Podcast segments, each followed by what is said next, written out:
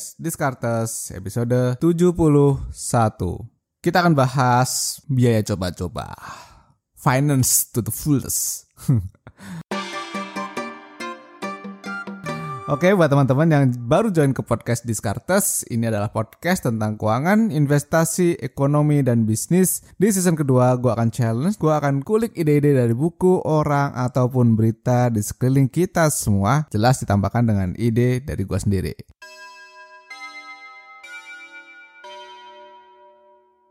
Well, pembahasan yang sebenarnya seharusnya simple tetapi sangat sering tidak disadarin. Makin ke sini manusia udah makin terbiasa ya dengan kondisi pandemi. Sudah makin nyaman dengan kehidupan bisa berdampingan meskipun ya pakai masker gitu. Tapi sudah mulai banyak kafe-kafe bermunculan. Sudah banyak pergerakan jualan online, transaksi makin banyak juga dan itu bagus karena berarti ekonomi bergerak. Berarti bisnis-bisnis juga sudah mulai menggeliat, ya kan? Kalau bicara soal bisnis, pas kemarin pandemi, game online itu udah pasti mendapatkan income yang luar biasa gede lah.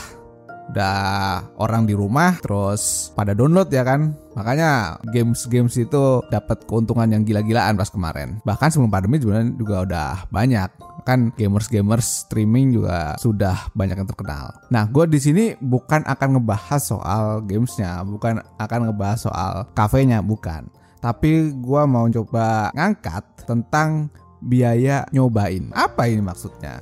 Coba-coba, apa itu? Weh, kalau makan di sana lagi lucu nih, baru dibuka bos. Gimana kalau makan ke sana? Cobain yuk. Itu cobain yuk yang pertama. Investasi ke bisnisnya si B kayaknya bagus deh. Kita coba yuk yang kecil-kecil dulu. Percobaan yang kedua. Game ini asik nih. Gimana kalau kita cobain? Percobaan ketiga gue sangat setuju dan sangat suka mencoba hal-hal baru. Ide bagus itu, nyobain banyak hal itu bagus. Meskipun buat sebagian orang itu kayak nonsens, bodoh, buang-buang uang. Yes, bagian betul kata mereka. Ya karena gue juga suka ngelakuin hal bodoh sih. dan kalian dengerin orang bodoh lagi ngomong di sini.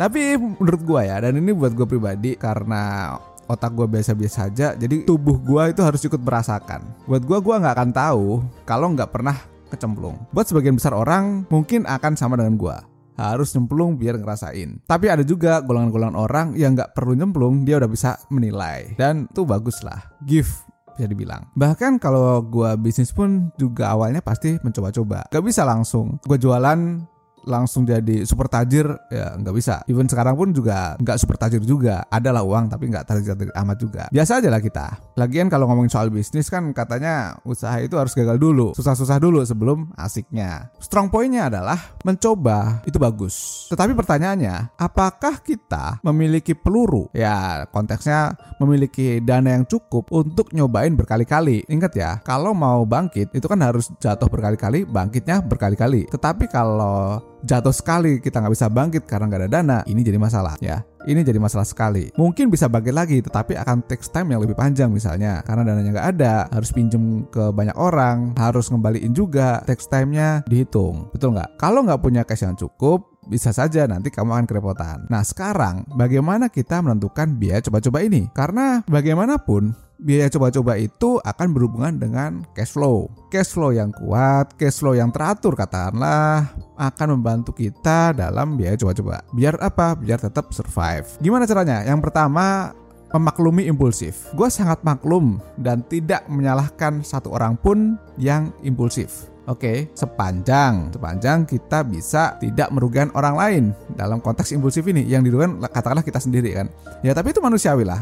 Masa dikit-dikit disalahin, disalahin sekali oke okay lah, tapi kalau disalahin berkali-kali ya uh, ada pertanyaan berarti kan. Impulsif itu pasti ada karena sifatnya tiba-tiba. Orang spontan itu kan sangat mungkin ya kan. Nah, untuk itu pentingnya si kantong cadangan. Karena konteks kita biaya coba-coba ini ada yang untuk happy-happy, ada yang untuk usaha. Jadi kantong kantongnya juga berbeda. Ada yang bagian uang happy-happy, misalnya kantong ini kalau kita ketemu kafe lucu, tiba-tiba ada film bagus di bioskop masuk, tiba-tiba ada jajanan yang aneh. Nah, ini kantong-kantong trial and error yang bagian happy-happy. Sementara kalau usaha dagang, bisnis itu kan butuh dana yang lebih gede. Berarti kantong coba-cobanya itu juga lebih gede ya. Jangan kembali kantong yang untuk bisnis ini kecil, tapi kantong yang coba-coba untuk happy-happy ini gede, nggak imbang.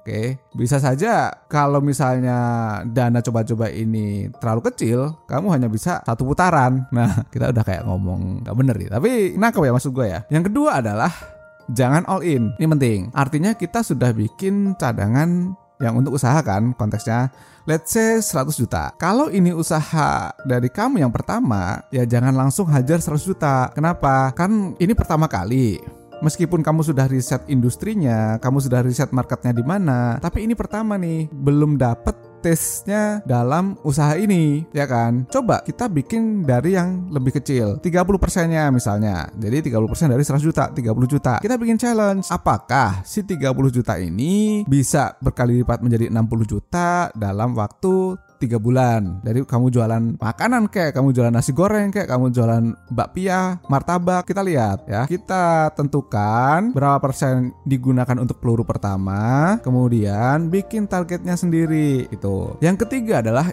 imbangi dengan study atau pembelajaran. Nobody wants to live a messy and stagnant life ya Nggak ada satu orang pun di dunia ini yang ingin hidupnya berantakan. Nggak ada. Makanya kan orang berusaha mencoba-coba hal-hal yang bagus, hal-hal yang diharapkan bisa menaikkan kondisi keuangan dia, kondisi kehidupan dia. Ya entah caranya yang bagus atau jelek. Misalnya yang bagus dagang normal, tetapi karena nggak sabaran pengennya berjudi biar cepat. Tapi at the end of the day mereka itu kan pengen memperbaiki kehidupan mereka. Yang mau gue garis bawahin adalah imbangi percobaan-percobaan tadi dengan pembelajaran. Kenapa? Karena kalau kamu kamu hanya mencoba saja, tidak mengambil pelajaran dari apa yang kamu lakukan, itu sayang sekali. Bayangin gini, lu dengerin motivator selama 30 menit ya, motivator itu ketika dipanggil dalam kantor itu dibayar sekitar 80 juta. Katakanlah seperti itu ya, 80 juta. Apa sih yang diomongin motivator? Motivator mengomongkan bagaimana pengalaman dia dalam kehidupan, bagaimana pengalaman dia dalam berusaha, berdagang, misalnya seperti itu. Gue tidak akan bilang bahwa motivator jelek, enggak. Karena motivator memang dibutuhkan. Biar apa? Biar kita tetap termotivasi, biar pikiran kita tetap clear. Yang harus kalian pahami adalah si motivator membicarakan tentang pengalaman dia. Ingat, kamu kalau menggunakan coba-coba ini, kamu juga punya pengalaman, ya kan?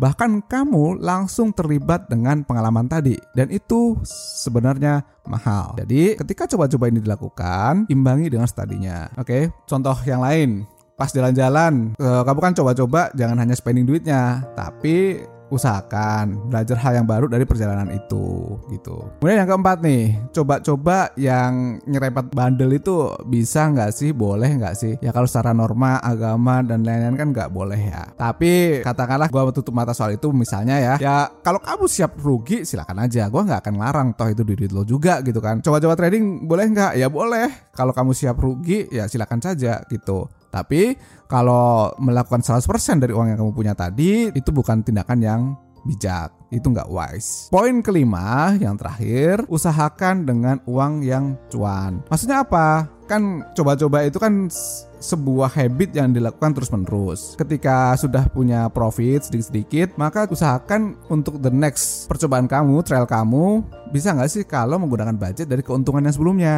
Jadi resiko yang ditanggung juga lebih terukur. Ya itu kalau mungkin, mungkin kalau eh, profit sebelumnya itu terlalu kecil, mau nggak mau kan pakai modal dasar, ya udah itu lain cerita. Tetapi kalau memungkinkan, maka bisa digunakan dengan uang hasil cuan kemarin. Contoh, kemarin habis beli koin kripto atau habis beli saham terus untung 20%. Katakanlah untungnya 10 juta. Ah, gue mau coba-coba deh masuk ke cryptocurrency. Terus pakai duit yang 10 juta tadi. Nah, itu kan lebih bijak karena itu menggunakan uang hasil profit gitu. Jadi pun uh, jadi nol, kamu tetap aman. Nah, itu yang mau gue sampaikan soal biaya coba-coba ini. Mudah-mudahan akan bermanfaat buat kalian, tambah ilmu, tambah knowledge, tambah skill, dan makin cuan. Sampai jumpa lagi di podcast Discartes episode selanjutnya. Thank you and bye bye.